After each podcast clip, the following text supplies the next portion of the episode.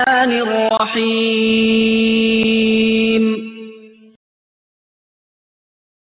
إنا نحن نزلنا الذكر وإنا له لحافظون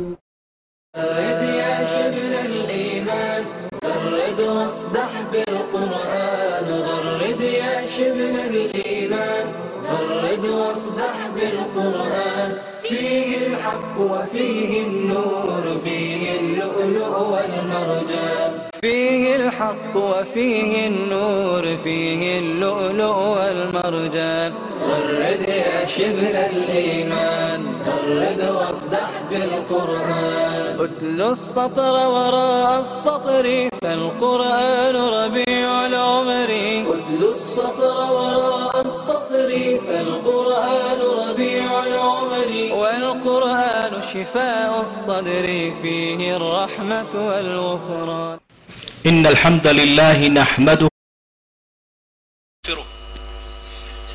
ونستهديه ونعوذ بالله من شرور أنفسنا ومن سيئات أعمالنا من يهده الله فلا مضل له ومن يضلله فلا هادي له واشهد ان لا اله الا الله واشهد ان محمدا عبده ورسوله صلى الله عليه وعلى اله واصحابه وسلم تسليما كثيرا اللهم انفعنا بما علمتنا وعلمنا علما ينفعنا وزدنا علما والحمد لله على كل حال اللهم وفقنا لما تحبه وترضاه من الاقوال والافعال والاراء ثم ما بعد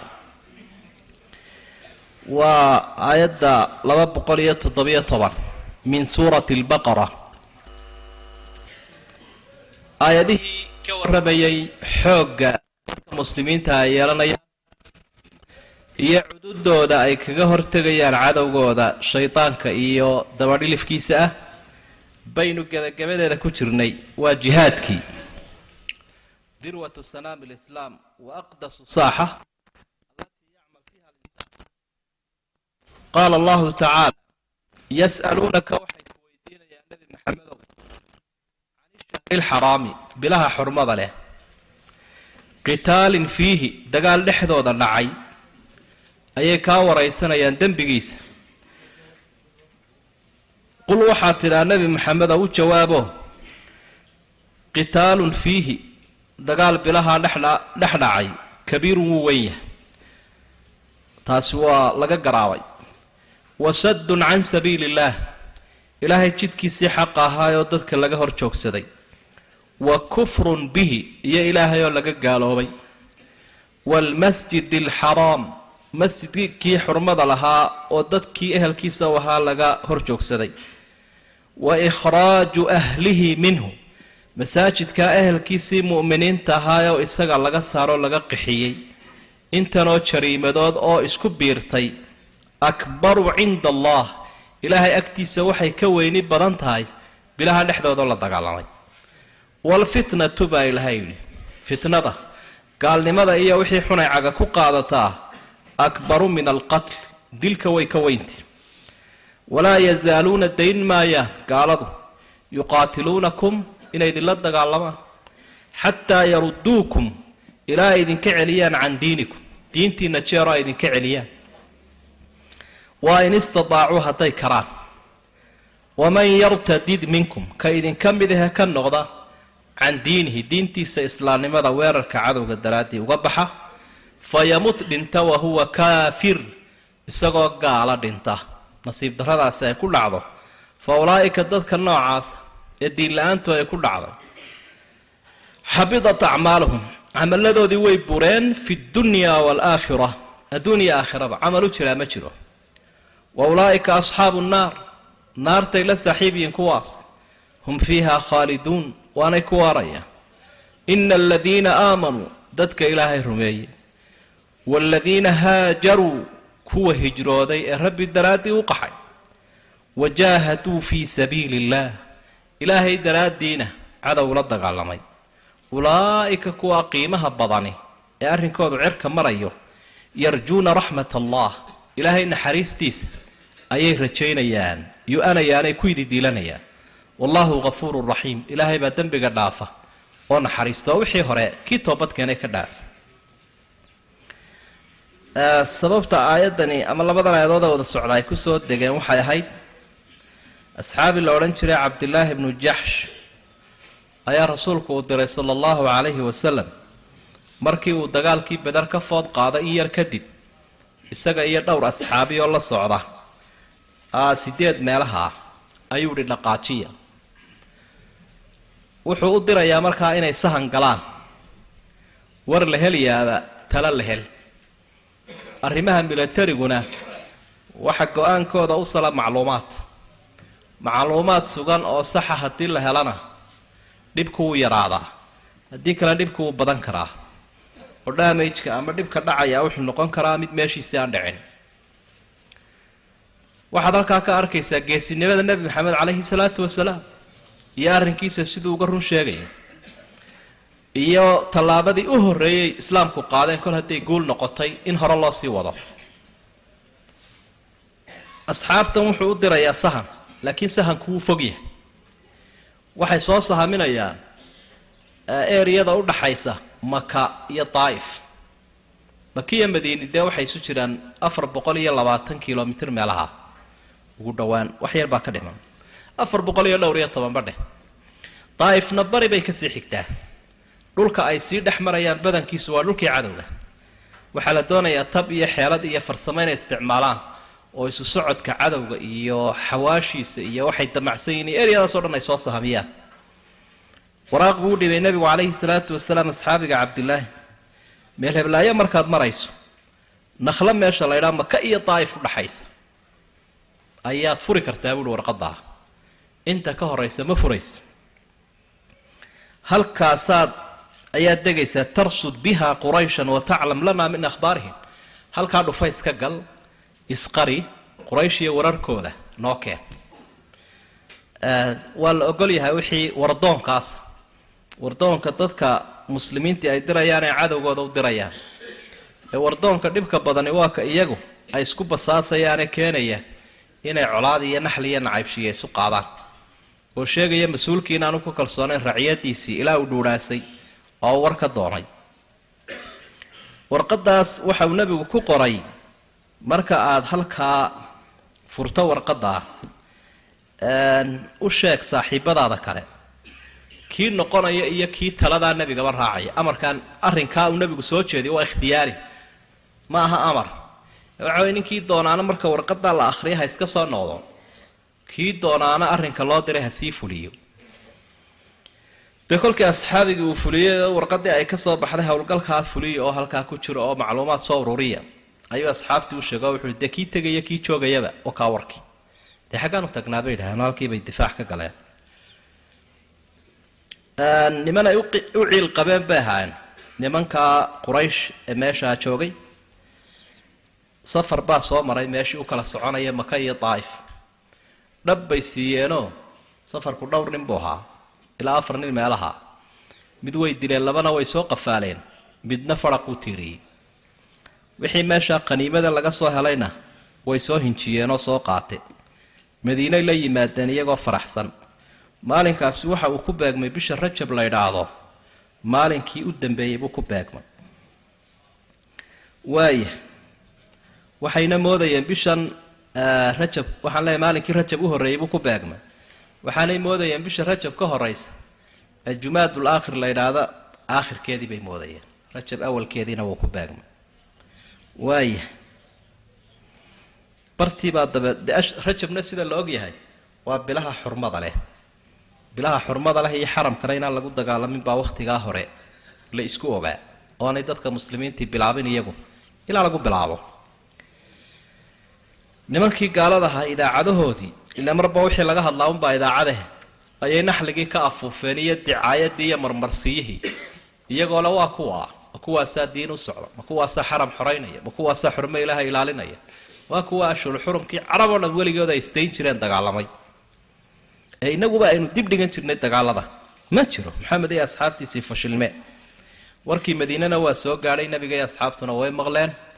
Iyagoo asxaabtii dee faraxsanba oole guul baa soo hayseen. Markii ay nabiga u keeneen calayhi salaatu wasalaam maxaabiistii iyo qaniimadii aa uhi bal horta halakiya ha la hakiya buui la qaybsan maayo kuwana ha la hakiya ilaa ilaahay xukumayo. Waa yaabeenba asxaabtii soo jihaaday oo waxay idhaahdeen war sawtan inagu qalloocsantay innaguna waabaynu dadaalaynay. Iyana waa yaro murugoodeen. Dadka qaarkoodna waxaabay ku idhaahdeen muslimiinta ka mid ahaa waar armaa dembi gasheenba. Ilaahay baa dabeetana ka dhiciyeyoo weerarkii iyo dicaayadii xamlu dicaayihii lagu hayay. Dadka muslimiintaabaa ilaahay uu ka dhiciyo isagaa xukumay. Warka iyo go'aanka iyo macluumaadkana isagaa laga qaadanaya looga dambaynaya. Miiskaa ilaahay uu saaray qiimayn buu ku sameeyey qiimayntii maxay noqotay? Laba mafsadaa jira laba dhibaato. Dhibaato waata ay asxaabtu galeen. Inay dhib tahay la qir. Laakiin dhibaato ka weyn baa jirta oo ka sii weyn oo ka sii weyn oo saddex laaban oo afar laaban oo gaaladu ay sameeyeen. Idan waxaa halkaa lagu saamaxayaa gefka yaray galeen. Iyagoo u badrheedhaya oo meesha ka saaraya oo duminaya gefka weyne gaaladu ay galeen gefka gefafka waaweyne isdaba yaalla oo intaa afarta arrimoode waaweyne aayaadku ay sheegeen. Gefafkaasoo meesha laga saaraya daraaddeed haddii asxaabtu gefkan yar ay sii mareen dhib ma jiro. Ilaahay awliyadiisii buu u hiiliyo cadowgiisiina wuu ku moosay. Markaasaa dabeed quraanjay ku quusabay noqotayoo waa laga hadhay. Waaya waxaa laga faa'iidaystay marka aayadda qaaciidada odhanaysa yurtakab akhafu lmafsadatayni biijtinaabi akbarihima laba dhibaato tayar baa la xamilayaa iyadoo taweyn la yska ilaalinayo waa dhib yaroo kooban in bilahan xurmada le la dagaalamo maxaase kalifay bal waxaa daba yaalla eeg wasadun can sabiili illah wa kufrun bihi waalmasjid alxaraam wa ikhraaju ahlihi afarta arrimood ayaa daba yaalla oo xuquuqdii ilaahay iyo xuquuqdii islaamka iyo xuquuqdii ummadda iyo xuquuqdii muqadasaadkaba waa la dumiyey. Gaal baa dumiyey. Miyaa loo dul qaadanaya? Wakaa ashahru alxaraamu bishahri alxaraam waalxurumaatu qisaas. Waa la ysu jaraya. Hadday jabiyeen idinkuna jabiya mar kasta oo laba dhibaato ay yimaadaan waa hadday arrimo caamo tahay iyo haddii ay arrimo khaasa tahay iyo hadday qoyska tahay iyo hadday qofka tahay waxyaabaha wax lagu qiimeynayo. Waa sababaha cumaan cumar ibnu khadaab xufaada u soo urursan jiro arrimaha markuu miisaanka saarayo qiimeynayo. Qofka xaafidkaa buu leeyahy bal qisada waxu ekaa dhacdadan. Markaasaa aayaddan oo kale uu keenaya qaliinka maxaa loo xamilaya? Qofka bani aadamka haddii maalan la qalayo oo qaliin lagu samaynayo dee qaliinkii bir baa ku dhacaysa oo mudduu dhaawac ahaanayaa inuu kuba dhintaa laga yaabo. Waxaasoo dhan waxaa loo xamilayaa dhibka ka weyne xanuunku leeyahay xanuunku dhibaato ka weyn buu leeyahy ka khatar badan.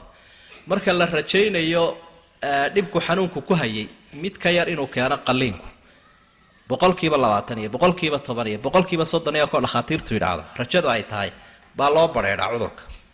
Alkayu aakhiru dawaa saasaa loo soconaya. Yas'aluunaka can shahri alxaraami qitaalin fiih.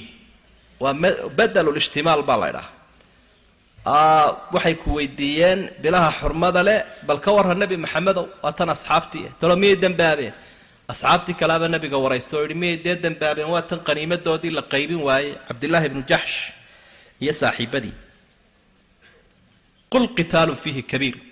In bilaha la dagaalama waa dembi weyn. Waa weynta.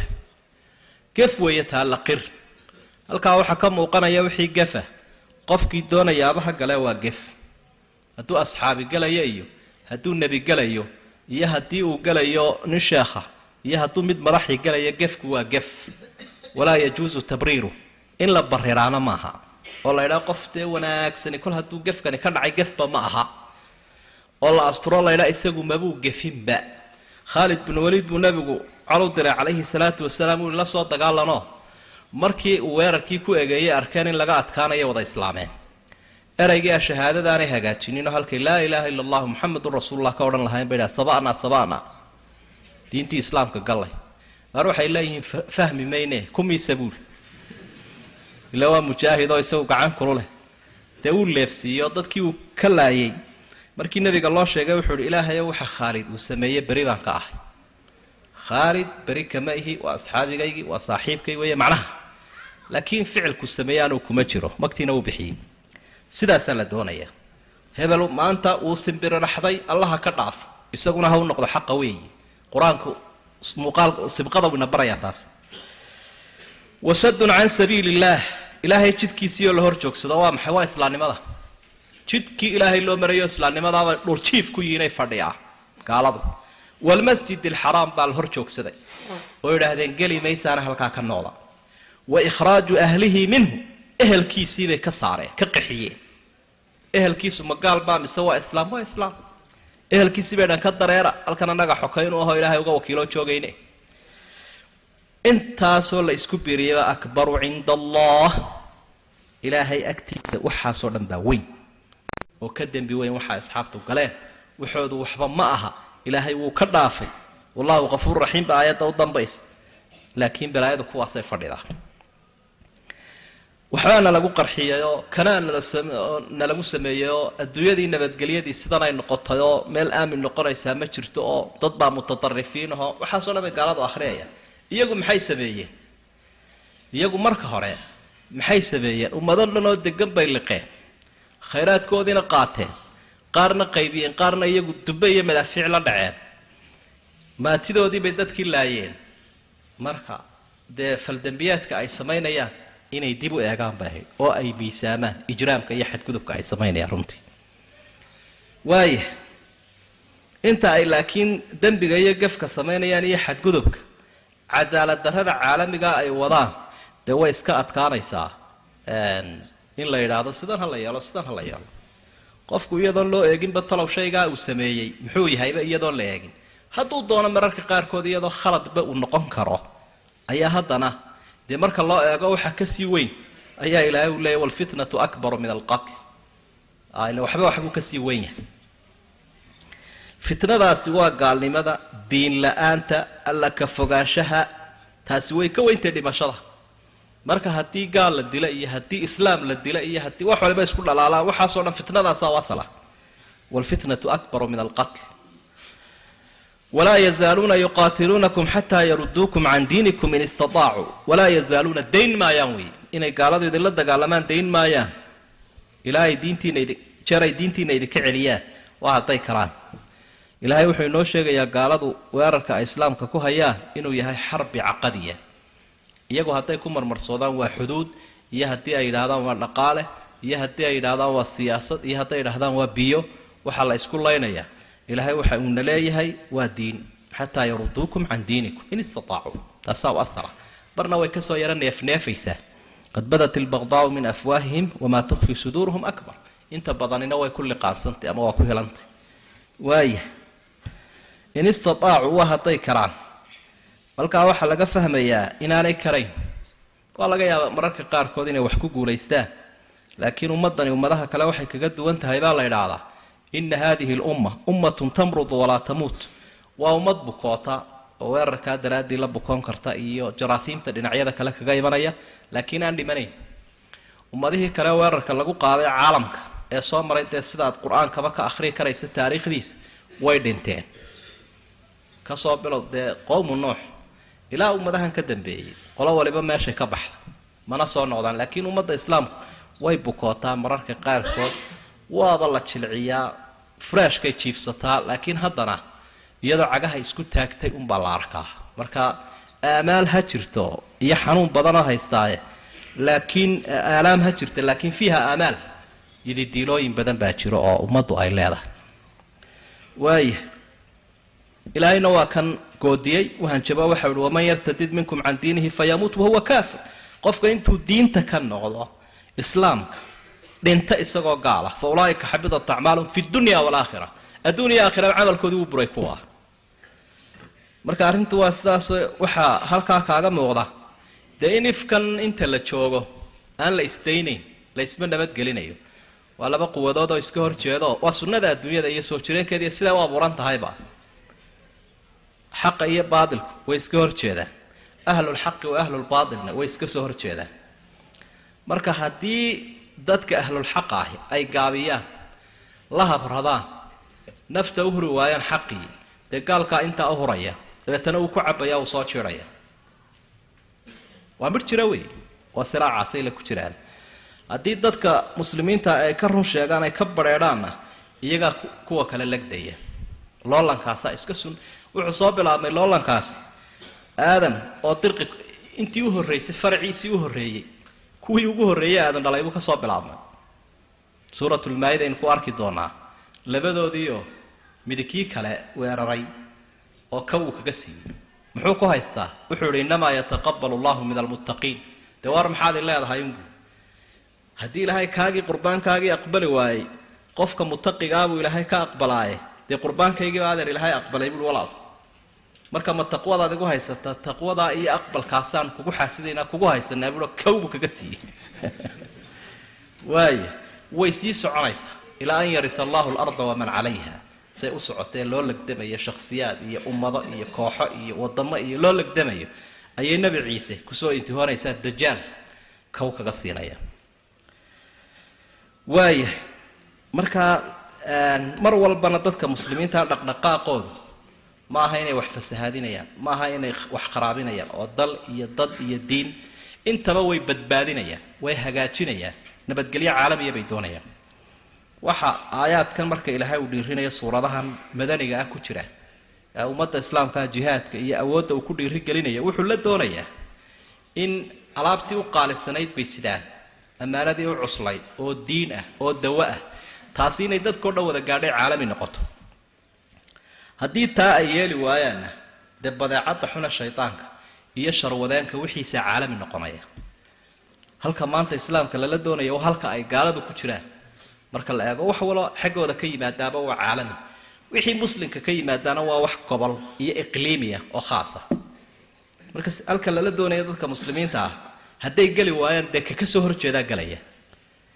Waaya marka sidaas u faham oo ha odhanin warniyo ilaahay muxuu dadka isugu diraya?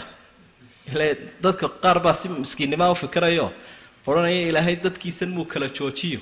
Muxuu leeyahay isu laaya oo kan muslimka oo kan gaaldil hala kala naste eh. Bal muu iska daayo. Intuu abuuru arsaaqo uu dhulkiisii u sallaxay ha kala nastaanoo ha iska ceeshaanoo ha wada shaqaystaane ma isdaayaan dee waan la isdaynaynin baa lagu leeyahayoo siday dabeecaddii insaanku siday u abuuran tahay. Ayaa waxay tahay inuu leeyahay rabitaano inuu leeyahay damac inuu leeyahay kibir waxaasoo dhan baa jira. Markuu qofkii kibirkii iyo damacii iyo xadgudubkii iyo tamartiisi iyo xagga sharkaa uu isticmaalaya uu leeyahay haddaan la joojinin wax wanaagsani dee jiri maaya walowlaa dafcu llahi nnaasa bacdahum bibacd. Waa taa aayadda aynu marar badan ku soo celcelinayna. Dafcintaasi haddaanay jirin.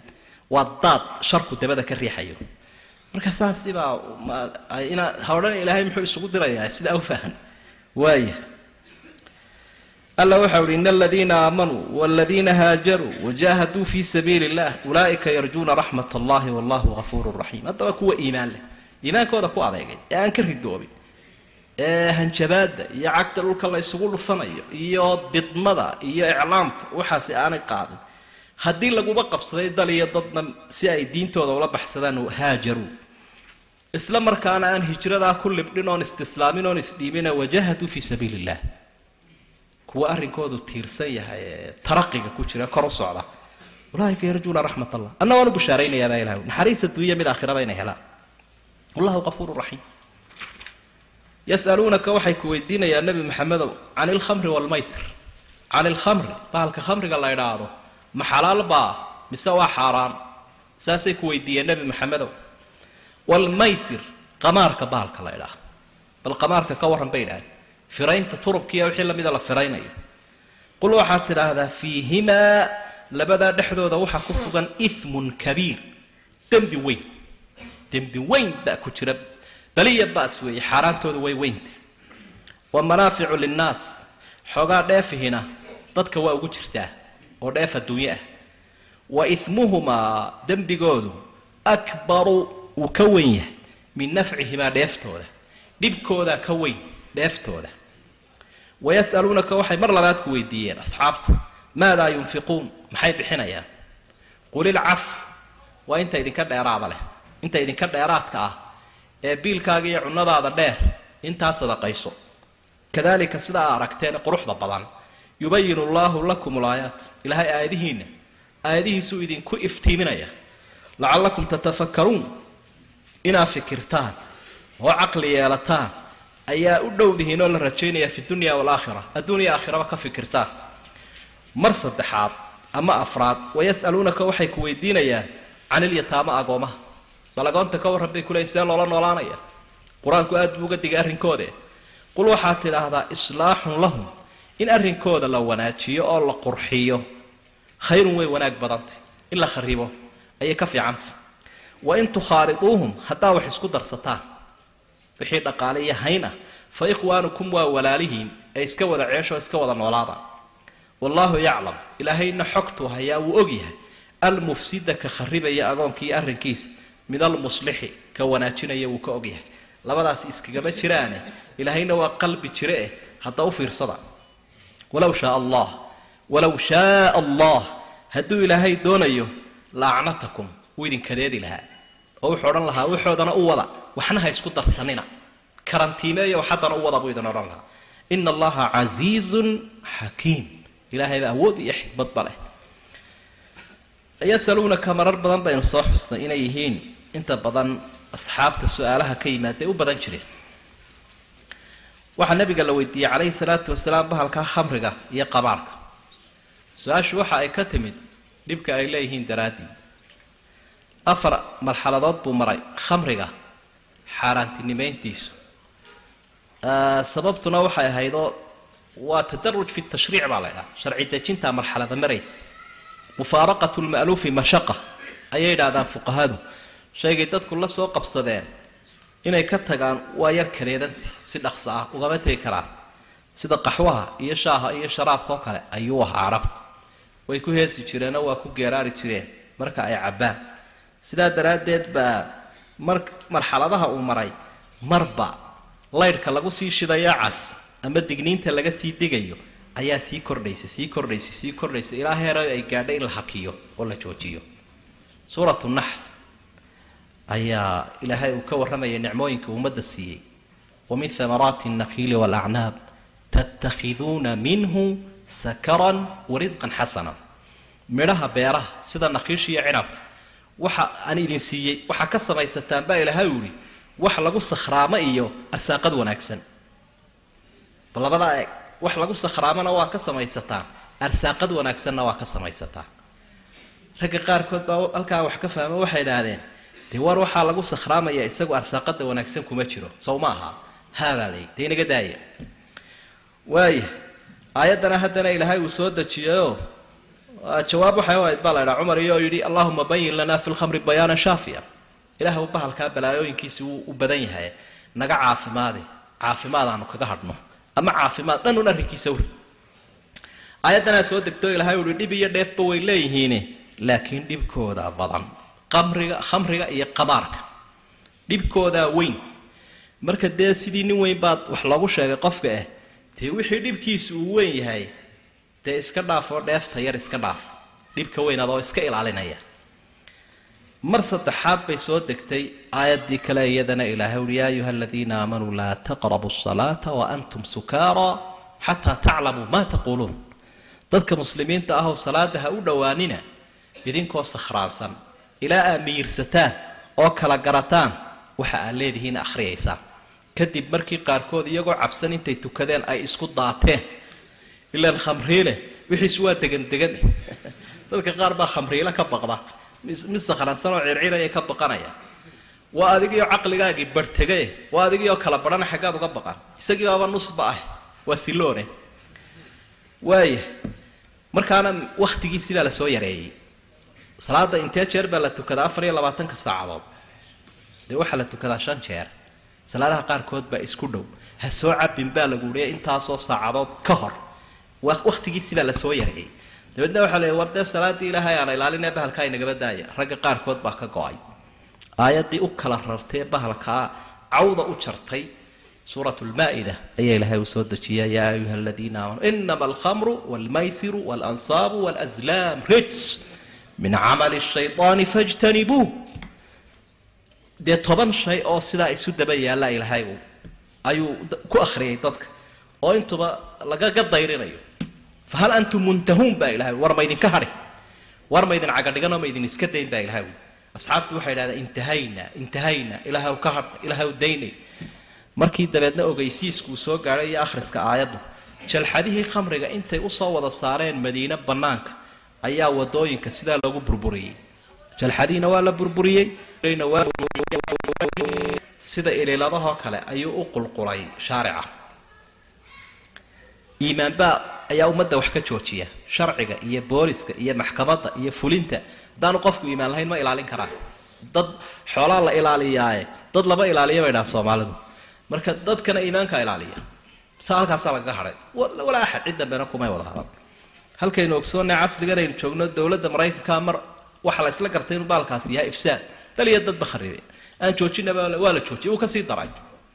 Marka ilaa dadku iimaan ay yeeshaan maya waaya yas'aluunaka can alkhamri waalmaysir qul fiihimaa ifmun kabiiru wa manaaficu linnaas ifmigu waa dembigii weynaa oo ilaahay agtiisu qofku macnaha waxa weeye dheeftiisu waa dheef yaroo adduunyo qaxwo yaroo laga helay iyo qofkoo isu maleeya inuu waxaanu ahan yahay iyo mid shaaciraan gabayayo wuxuu lahaa khamrigu ka warramayo inuu marqaan ka helo. Wanashrabuhaa fatatrukunaa muluukan wa ustan laa yunahnihuna alliqaa. Markaanu bahashaa ku dhufanno waxay naga dhigtaa buu idhi niman boqorro waaweyna iyo libaaxyaal markaasaanu dagaalka aanu gelaynaa waxba nala ahaynba. Oo had iyo jeer caqligii ayaa khiyaaligii sidaa qofkii kala wareegaya oo markaasa uu si noqonaya. Waxaanu ahayn buu isla qaadanaya koru yaro weyn oo jeer waa kan isqaadqaadaya isbeddel baa ku dhacaya. Khamriilu inta badan wuxuu ku odhanayaa warayaa sanka ha naga jiidhina sanka nooga baydh.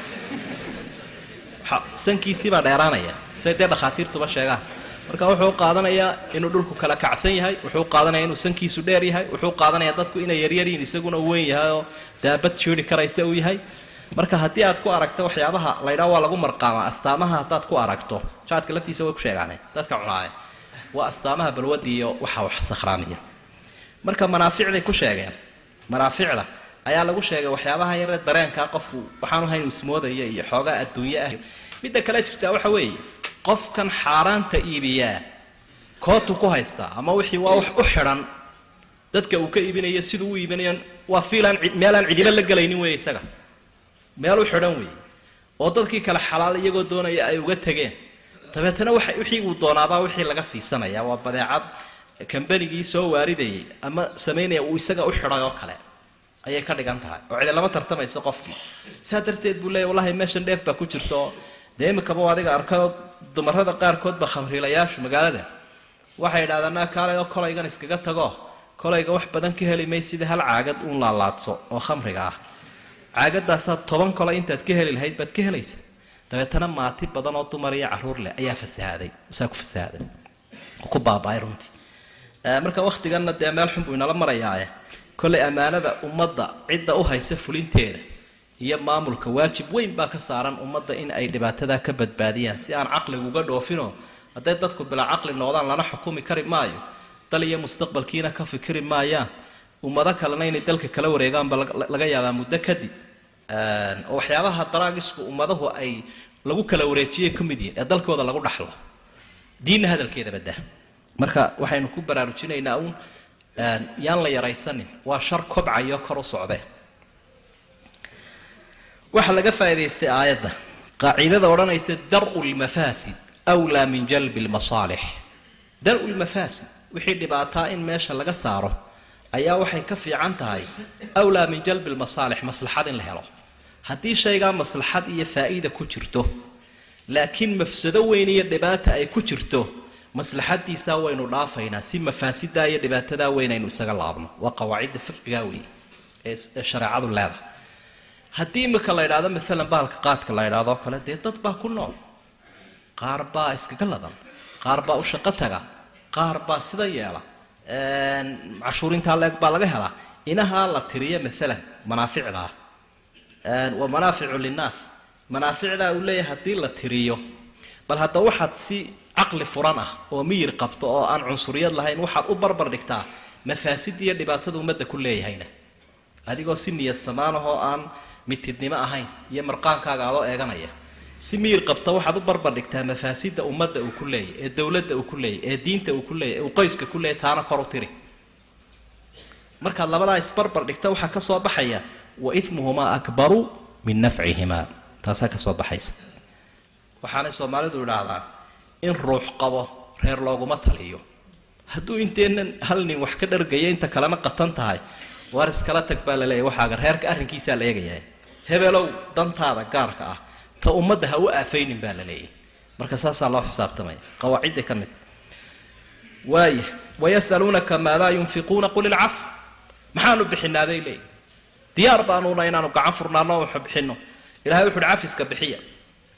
Cafisku waxa weeyaan wixii ku dheer. Adiga iyo qoysku waxaa u baktiyaysaan iska bilaaba. Marka wixii idinka soo hadhana bulshada kale baahan siiya waa saasu saasuu islaamku. Ayaa ilaahay u farayaa inay isugu naxariistaan.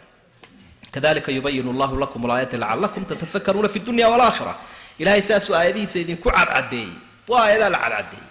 Lakum idinkaa la idin marka aayadaha wuxuu ilaahay u soo dejiyey waxaanu u iftiimiyey waxaanu u fasiray waxaanu u faahfaahiyey idinka.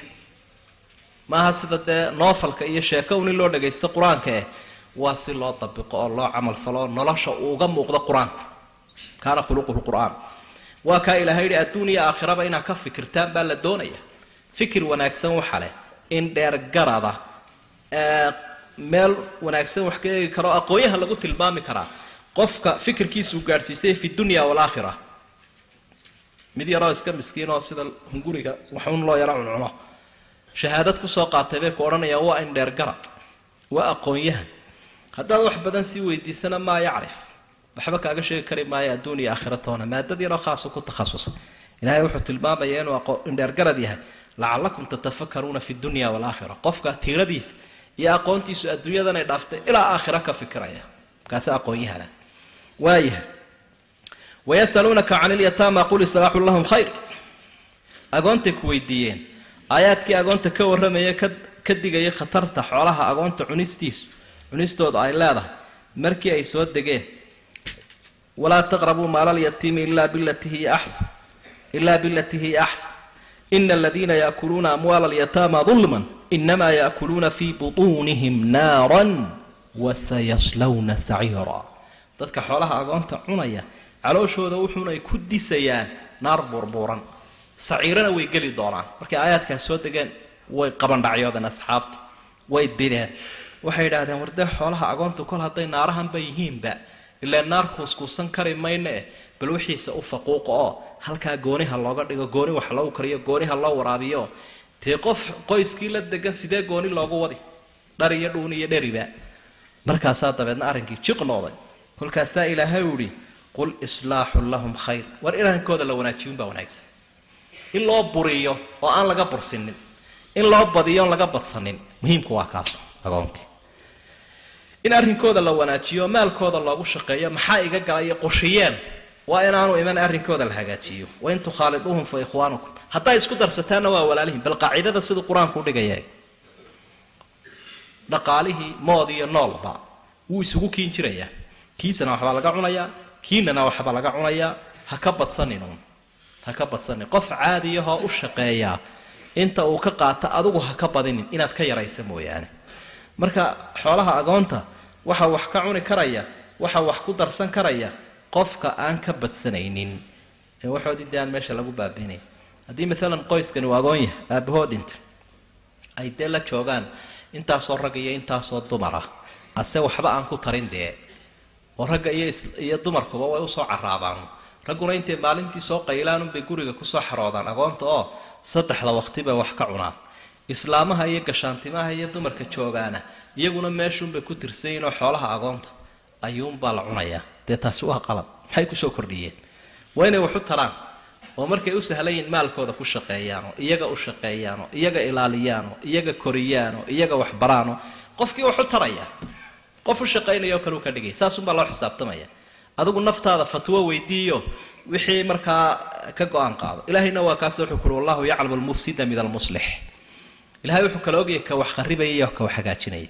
Inkastoo qaaciide caama ay tahay oo mar walba ilaahay labadaasi aanay iskaga jirin waxa weeyaan ilaahay waa qalbi jiro weey qofka isha dabayana aadamaha arkaa layn qofka uurka dabayana ilaahay ila inagu ma arkayne.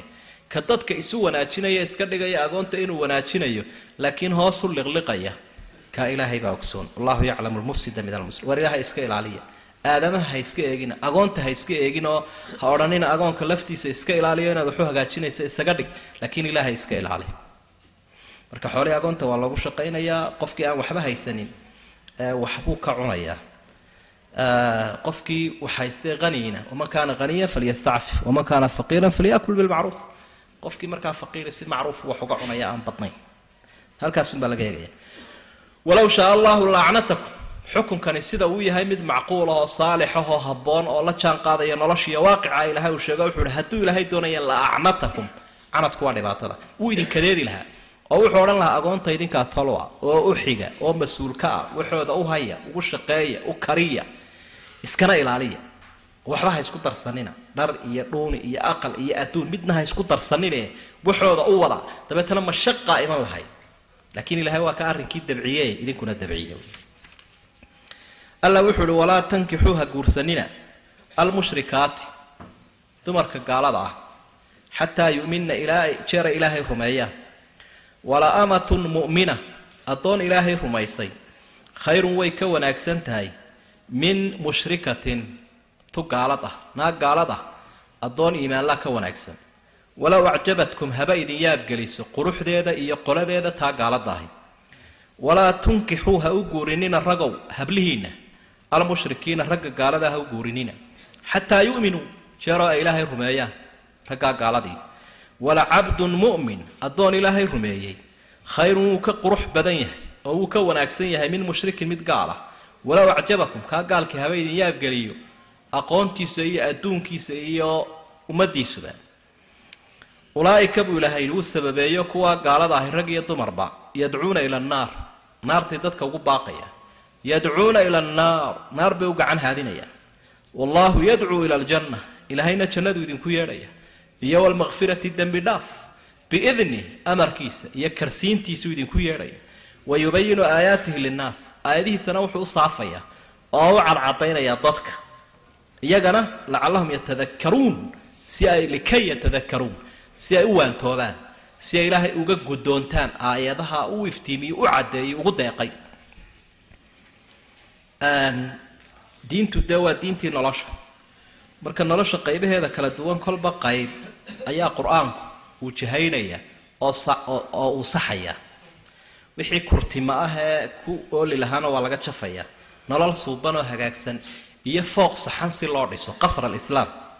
Sidaa darteed baa ummaddii mar hadday caqiidadeedii hagaagtay oo cibaadadeedii ay hagaagtay oo cibaadooyinkii aynu ka soo warranay oo cududeedii hagaagtay waxay istaahishaa inay usradii iyo qoyskiina dhisato. Iyo dadkii maatida ahaa iyo dariiqaday u kobci lahaayeen. Oo haddii dadku ay dee ku jiraanuun nolol adduunyo ay iska isticmaalaan ama xataa ay ku jiraanuun difaac ama ay ku jiraanuun cibaado keliya ase taran aanu jirin tarankii. Dee dadku wuu inqiraadaya ama meeshuu ka baxaya taran la'aantu dhibkaasay leedahay.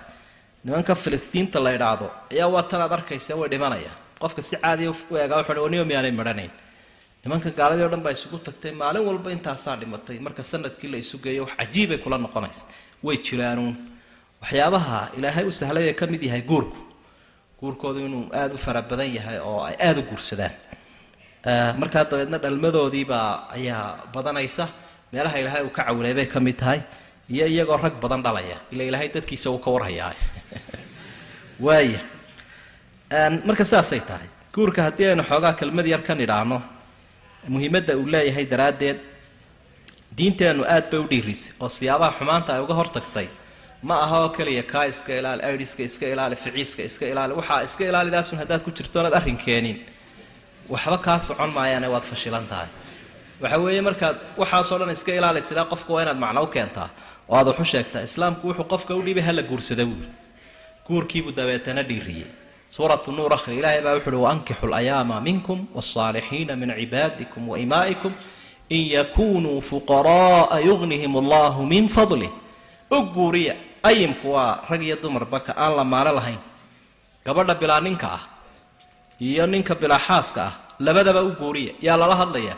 Dowladdu ilaahay la hadlayaa ganacsatadu la hadlayaa waayeelkuu la hadlayaa ummaddu la hadlaya qof walba xilku wuu saaran yahay miskiinka ama miskiinada iska xayraan ee sukada ah mid ha lagu lamaaneeyo hala asturaba ayaa sharcigu ina leeyahy suuq weyn baa ugu jira aayaddaasi dhallinyarada soo daliishadaan waaya intaa kadib waa dhiirin sharcigeennu uu dhiirinayo. Badiil baa loo sameeyey waa xalkii sharcigu uu keenay weeye. Taa kadib waxa aynu odhan karnaa waa xalka dhexdhexaadka ah islaamkeennu uu keenayoo ummadaha qaarkood waa sida madhabaha mubaaxa ah ibaaxiyada la yidhaahdo. Waxay idhahdeen qofku baahidiisa ha dhargiyo oo cid alla ciddii uu helabay isafkartaanba ha la kulmo. Rag iyo dumarba bay marayaan.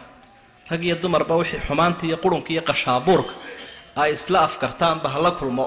Dee dariiqadaas waa tii xoolaha. Tii xayawaanku markuu ishelo halkuu ishelunbuu isku orgeeyaa. Waa tii xoolaha oo madhabaha ibaaxigaa qaatay midda labaadna waa madhabaha kiristanka oo waxay idhaahdeen qofka waxa u wanaagsan inuu adduunyadaba iskaga saahido oo ninkuna uu bilaaxaas iska ahaado gabadhuna ay bilaanin iska ahaatay adduunyada ka saahidaan. Kaniisadiisa iyo wardigiisa iyo qiiqiisa uu iska shido oo adduunyada uu iskaga hadho. Kumayse daynine? In badan baad maqlaysaa boobkii hebel la odhan jiray baa fashilmay oo ku yar dulbaxay subxaan allah waa xaqiiqo jirta wey boobabkoodiiba iminka lahay waa ninkana laynaga casilo xumaan buu sameeyey. Naagtiina way qarsanaysaa ninkiina wuu qarsanaya. Waayo baahi baa ilahay u ku abuuray islaamku laakiin xal buu keenayoo wuxuu ihi qofkan baahida ilaahay uu ku abuuray ha guto. Laakiin oo yaan lagu caburinin kabti yaan lagu samaynin. Si saxa u guto. Isagoo hoori la kulmaya ama gabadhii ay nin guursanayso qoys la dhisayo caruurna la baadi doonayo ajrina laga doonayo adduun iyo aakhirana uu hagaajisanayo marka baahidiisii ha guto laakiin dariiqo saxa oo sharci iyo qawaaniin iyo nidaam leh iyo xuquuq leh ha u guto. Waa xalka dhex waa ummatan wasatan. Diinteennuna waa diin dhexdhexaada ummaduna waa ummad dhexdhexaada. Taana inaad ogaato wey. Marka fadliga nikaaxu dee waxaaba kaaga filanba inuu nebigu yidhi calayhi salaatu wasalaam waa sunnadii ambiyada waa sunnadaydii sunnadayda ka nacaana. Aniga iga mid maaha buu nebi maxamed yidhi calayhi salaatu wasalaam ee yidhaahda anigu waan saahidaya. Lama qabsanayo. Dhibaat haddii arrin caafimaad ay ku jirto oo hamadiisa wax ka sii yihiin. Dee qofkaasi markaa ma dembaabayo isaguoo sunnadii nebiga ma khilaafinoo waxba ee waa ka xaaladiisu ay caadi tahay. Marka fadligiisa nusuus fara badan baa ku soo aroortay. Halkeedaad ka akhri. Xukumka nikaaxu maa maxay. Ma faralba ma sunnaa mee waa waajib. Waa faral weeye. Siiba qofku haddii uu awoodna u hayo isla markaana heli karayo wixii biilkii iyo iyo meherkii gabadha hadduu heli karayo inuu guursadaa waa faral weeye. Amar buu nebigu bixiye wuxuu leeya yaa macshara shabaabi man istadaaca minkum lbaa'ata falyatazawaj wاlmru yaqtadi اlwujuba ila an yuujada saarif walaysa hunaaka saarif. Amarkaasuu ku taagan yahi marka qofkii awoodi karaya waa inuu maaragtay u dhaqaajiya xikmadda ku jirtaa waxa weeye marka horeba dee waxa ilaahay u abuuray ama noolahaba waa lamaanay subxaana aladii khalaqa alaswaaja kullaha. Xikmadda ku jirtay tahay inuu insaanku tarmo oo aanu taran oo imika kuwii gaalada ahaa yidhi waxbaanu xadidaynaa. Qoysku miduun ha dhalo ama laba ha dhalo. Waayo ma shaqo tegi karaysa gabadhii. Ninkii caruurtii gabadhii wax ka haya lama haya markay labadoodiiba kala shaqo tagaan. Dee imikay ka qayliyeen ay yidhaahdeen war ummadihii waynu ka hadhnay waynu yaraanay dalka masar baa la tilmaamaa lixdameeyadii intii ay ahaayeen saddex jeer bay laabmeen halka ingiriisku intii uu beriga ahaa uu taagan yahay. Marka waa la kala dheeraynaya waa la kala tegaya. Marka dee haddii aanu qofkani baahidiisa sida aynu hore u soo sheegnay u soo gudan. Haddii aanu bani aadamkii guursanin oo aanu tarmin dee wuu waa waa go'aya haddii si kale loo dhigo haddii rag dumar ka maarmayo ama dumar rag ka maarmayaan oo meesha aanay xigmadi ku jirin odaygii aadan baa keligii iska joogi lahaa. Laakiin ilaahay islaan xaawo la ydhaahdo ayuu subxaanah u diyaariyay wakhalaqa minha zawjaha. Waaya xikmadiisu waa badan meeshii xuquuq baa imanayso aynu arki doonaa. Xuquuq aada u fara badanoo ninkiina lagu leeyay gabadhiina lagu leeyay mujtamaciina lagu leeyay. Shareecaddu mowqifka iska taagtay waynu soo tilmaanay arkaan buu nikaaxu leeyahay oo shuruud buu leeyahay oo kuwaas waa fiqi ahaan min xayu thaqaafa. Ayaynu imika ka hadlaynay laakiin fiqi ahaanna aayaadkaynu ku dhex arki doonaa. Aadaab buu nikaaxu leeyahay iyo marka ninkii gabadhii uu guursanaya ama gabadhii ninkii ay guursanayso ilaan iyana way guursatay baa la odhan karaa. Heblaaya nin bay guursatay soo wax jira maaha ninkiibaa wax guursado qura arrinku maahee iyana way guursatay leanna waxaynu idhahnaa way isguursadeen. Soo maaha ilahayna wuxuu uhi xataa tankixa zawjan hayra ilaa gabadhu nin kala guursato. Marka ninku wax ma guursada waa la isguursaday meesha. Waa la isku ladan yahay. Marka waa laga maarmaan in aadaab la helo. Aadaabtii waxaa ka mid a sidan aayadan intaa hore gogoldhacba waynu soo tamhiid baa hele aayaddan macnaha ay sheegayso oo aadaab guurkii waa inuu aadaab yeesho galmadii waa inay aadaab yeelato wada jooggiina waa inuu aadaab yeesho. Aayadaha isdaba socdaa intaasay ka hadlayaan. Aayaddan aynu akrinay waxay ka hadlaysaa aadaabta guurka aayaadka ku xigaana aadaabta galmada aayaadka ku sii xigaana aadaabta wada jooga. Meelina hadday aadaab weydo ummad iyo qoysba waxbaba kama hagaagaan oo markeeda horeba kolka la leeyahy shareecadda ha lagu camal falo oo ha la tadbiiqiya shareecada adaa iska bilaabaya waa inaad isku dabiiqdo. Qoyskaa ku xigaya oo qoysku waanuu yahay qoys shareecadii dabiqaya qarankaa loo gudbayaa markaa ee sharciga lagama dhaafin qofka iyo qoyska oo qaranka qura lagulama ordaya ogow. Waaya marka waxyaabaha habboon ee kolka aadaabtii waxaa ka mid a inuu ninkiina gabadhii doorto gabadhiina ninkii doorato. Doorashadii bay aayaddani ka warramaysa waxaa ka mid a labadii inay is arkaan. Iyadoo is-eegiddii la diiday haddana hunna libaasun lakum wa antum libaasun lahunna maadaama ilahay u yihi dee qofba dharkiisa inuu arko oo uu iska eego. Waxaa aadaabta ka mida qofbaka kale inaan lagu jujuubin oon lagu riixin laakiin uu is raali noqosho meesha uu jiro. Raali noqoshahaas ninkiiyo gabadha isguursanayaana meesha waa inuu yaalo raali noqoshuhu oo u dhexeeya labadooda. Weligii iyo ciddii inanta mas'uulka ka ahaydna raali noqoshaha waa in laga hayo xadiid xasane wuxuu tilmaamayaa ilaa sodohdana waa in raali noqoshaha laga hayo. Aamiru nisaa biummahaatihin dumarka aad guursanaysaan hooyooyinkood kala tashada. Ilaan haani gunbay ka tolataayoo haddii sodohda laga dulboodo arrinkaasi waa si weeye. Marka tashi qoys baa la dhisaya raaxaa laga doonaya yuhuun iyo yididilo wanaagsan baa la doonaya.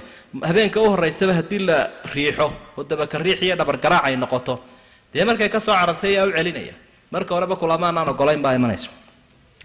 Waxaa aadaabta ka mid a haddii labada qof shuruud ay dhigteen inay shuruuddaa isu fuliyaan oo gabadhadan shuruuddii ay fuliso ninkuna shuruuddii uu fuliyo haddii shuruuddaasi kitaabka ilaahay waafaqsantay aadaabtay ka mid tahay marka aqalgalkaasi uu yimaaday iyadoo la farxayo weliimada iyo allabari ilaan meel aan waxba lagu cuncunaynin waa maaragtay ducadii waa kala dhiman tahay allabarigaas inuu jiro siduu kula talinaya cabdiraxmaan binu cawf rasuulku sala allahu calayhi wasalam awlim walow bishaati yasaluunaka waxaa ilahay ui walaa tankixu lmushrikaati xataa yumin. Dumarka gaaladaha ha guursanina. Suuratu nisaa baynu ku arki doonnaa insha allahu sodomeeyo dumarahoo guurkooda uu xaaraan yahay. Qaarkoodna weligoodba qaarkoodna marxaladaha qaarkood macnaha wakhti mucayana marka gabadha aan islaamka ahayna kaafirada ah. Guurkeedu waa xaraam. Dee suuratulmaa-ida aynu ku arki doonaa ta ahlulkitaabka ah iyada in laga soo reebi doono. Laakiin mar walba waa laga wanaagsan yahi ilaa ay ilaahay rumeeyaan bal hadda waxaad eegaysaa ilahay baa ku qancinaya. Kolkaasaa wuxuu ku uhi wala amatun mu'minatun khayrun min mushrikatin walow acjabatkum. Addoon ilaahay rumayso iimaan leh. Way ka khayr badantao way ka tayaroonto way ka qurux badantao way ka fiican tahay. Mid mushrikad ah taa mushrikadii haba ku cajabgelisa haba ku yaabgelisa aada la dhacdidba quruxdeeda iyo qoladeeda iyo dhaqaalaheeda iyo jinsiyadda ay haysato imika lagu daro. Qaar badan baa jinsiyadaha loo guursadaayo baasaboorka ay leeyiin qolada yihiin. Waxaasoo dhan haba kugu cajabgelisa eh taasaa ka quruxda. Marka ay sii eegayaan culimadu lataaifka ku jira aayadda waxay leeyihiin quruxda laba qaybooda. Waa jamaalun daahir wa jamaalun baatin. Qurux muuqata iyo qurux qarsoon. Dee quruxdan muuqataa waxa weye qofkan dharku xidhan yahay iyo muruqyadiisa iyo cadaankiisa iyo timihiisa iyo sankiisa dheer iyo waxaa wey iyo waxaan ku xeerana ku muuqanaya. Quruxda jamaalka baatinka ee qarsoonina waxa weeye qofka akhlaaqdiisa iyo tixgelintiisa iyo qiyamkiisa iyo diintiisa iyo qadarinta uu leeyahay ee uu kugu raaligelin karayo nolosha uu kula nool yahay ee aanu diiqad ku gelinayn ee uu kaa tala qaadanayo ee uu ku ixtiraamayo ee uu hormuud kuu yahay tusaale wanaagsan uu kuu yahay. Marka la isku daro dee quruxdaa qalbiga ayaa ka qiimo badan quruxdan muuqata. Kam wa kam intay quruxdaa u eegteen dabeetana dhibaata ay kala kulantayoo isaga laftiisiiba iibisay ama isaga laftiisiiba gaalnimo u saartay ama isaga iyo rag badan oo soomaalidaaba intay dumar gaalaha guursadeen iminka halkan iska yimid oo yidhi reerkaygii fara madow baan ka taagna mid yaroo soomaaliyada iisoo egeega oo tii hore meeday. Tii hore iyo carruurteeda adeer way isla tegeen. Waa subxaan allah waa quruxdii qalbiga ahayd baa naskuu tilmaamaya. Mar kale ilaahay ummadda ula hadla wuxu uhi walaa tunkixu lmushrikiina xataa yu'minuu waa ragga gaalada ah. Ha u guurinina hablihiina ninku hadduu gaal yahay xaaraan bay t shareecaddeenu may banayninba inuu gabadh guursan karo muslimad ah lianna alislaama yacluu walaa yuclaa calayh islaamku wuu sarreeyaa lagama sarreeyo. Waxaana la ogsoon yahay gabadhu si kastaba ha u adkaato miduu ilaahay ilaaliye uun mooyaane qofkaa waa laga yaabaa inuu diinteeda ka duwo si uun inuu u saameeyo. Ayaa dhacaysa. Marka sharcigu marnaba ma banayninba. Kolkaa inuu qofku yidhaahdo wallahi masaalix adduunyaanu ka helay oo intaasaaba maaragtay reerka biilkiisii la helay oo reerku baktigu ahaa intii inantaa ninkaa caddi guursaday. Ayaaba naloo tiriyaaba intaasaa naloo tiriyaa subxaan allah waa ayaan darro weyn ilaahay wuxuu ku leeyahy walacabdun mu'minun khayrun min mushrik. Walow cajabakum addoon ilaahay rumeeye wuu ka wanaagsan yahay wuu ka qurux badan yahay. Qof haba ku yaabgeliyo maleeg hadda aayadda. Xaggii ugu muhiimsanayd baa ilahay uu taabta wuxu uhi ulaaika yadcuuna ila annaar. Ulaaika yadcuuna ila annaar. Kuwaasi naar bay idinku yeedhaya. Wallahu yadcuu ila aljannati waalmakfirati biidnih ilahayna jannu idinku yeedhaya. Biidni amarkiisa iyo kalsoonidiisa iyo karsiintiisa sidaa weeye marka qofka in lagu qaato diintiisa dee xadiidkaba nebigu waa ku dhiriyo dadka dumarka waxaa loogu xishaabuuli qofku dhaqaalo ay leedahay iyo qurux ay leedahay iyo qolo ay ka dhalatay iyo diinteeda. Laakiin ta diinta ayuu yihi ku liibaan. Taasuu ku duceeyey nebigu calayhi salaatu wasalaam. Sheekhow ku ducee. Nebigu wuxuu ku duceeyey. Maxay? Ta diintale ku duceeyey. Xaqiiqo jirta weeye maanta rag iyo dumarba waxaa loo xishaa qofka diinta leh suuqa ugu wanaagsan xagga guurka qofka diinta leh imaka leh waa markaan been la sheegay. Hadduu ninkan soo geed fadhiista ama inantii uu soo hadal qaado dadku imika waxay isweydiiyaan. War talow ninku waa nin caynkeeya. Markaasay odhanaya wallaahi waa qof waa qof iimaan leh. Ninkaas iimaan buu leeyahayoo waa shaksiyad buu leeyahay. Macnaheedu waxa weeye qof iska shaqaysto oo diin leh oo akhlaaq leh oo wanaagsan. Haddii kalena waxaa la odhanaya waa dib jir dawrdara dee inooga ilaaliya baa la odhanaya markaa inanta. Kol haddaanu tiisiiba daryeelin dee tu kale ku dari kari maa inooga ilaaliya inanta. Inantana marka u horreeya waxaa la isweydiinaya war inantu waa caynkee waxay odhanaya wallahi waa sheekhado waa xaafidad qur'aankay xafisan tahay waa sheekhado. Jaamacad bay ka baxdo iskuul bay ka halkaasaa laga tiriyaa. Markaa suuqa u weyne halkaasuu ku jiraa dhallinyarada iyo waayeelkabe eh ubadkiina diinta kula dadaala dhallinyaraduna diinta ku dadaasho inta imika si wanaagsan wax u qabta ama si wanaagsan wax u guursataana xaqiiqaha waa qofka diinta u fiirsoo marka diraasad la sameeyo. Haddii qolada garsoorka aad ka waraysata iyo maxkamadaha oo aad dabagal ku samayso furiinka furiinku aad buu u badan yahay. Dadka diinta furiinkooda wuu yaryahay diintu qofka way qurxisaa way toosisaa way kabtaa way suubisaa. Sibqat allahi baa ilahay ui waman axsanu min allahi sibqa. Marka halkaas arrin aada u muhiima weeye khilaafku wuu jiraa oo dadku malaa'ig maaha qofku hadduu diin yeeshay macnaheedu maaha inuu malag noqonayo. Hadday inantu xijaabato ninkuna uu garlaya macnaheedu maaha haddii khalad uu ka dhaco in lala yaabayo madaxa la qabsanayo. Oo la odhanaya maxaa waalay sawkii wadaadka ahaa ama iyadu sawkii wadaadda ahayd wuu dhici karaa khalad waa bani aadam. Laakiin wuxuunaynu tilmaamaynaa dadka ugu wanaagsan qadiyadan wada dhaqanka inay yihiin dadka diinta leh. Waa kaa ilaahay tilmaamaya wallahu yadcuu ila aljannati waalmakfirati biidni ilaahay dembi dhaaf iyo jannuu idinku yeedhaya. Sida uu ku fiican yahay wadajirka qoyska iyo dhismihiisu ayaa ilaahay uu ka hadlaya aayadihiisana uu idiin cadaynayaa. Wayubayinu aayaatihi linnaas lacallahum yatadakaruun inay waantoobaan oo ilaahay ka qaataan oo ay ku camal falaan oo qoys wanaagsan la dhiso ayaa ilaahay uu doonayaa subxaanahu wa tacaala marka aadaabtii guurka intaasi hayde mar haddii qoyskii dhismayna maxaa ku sii xigaya? Aadaabtii kale ku sii xigaysa aynu arki doona insha allah. Allah subxana wa tacala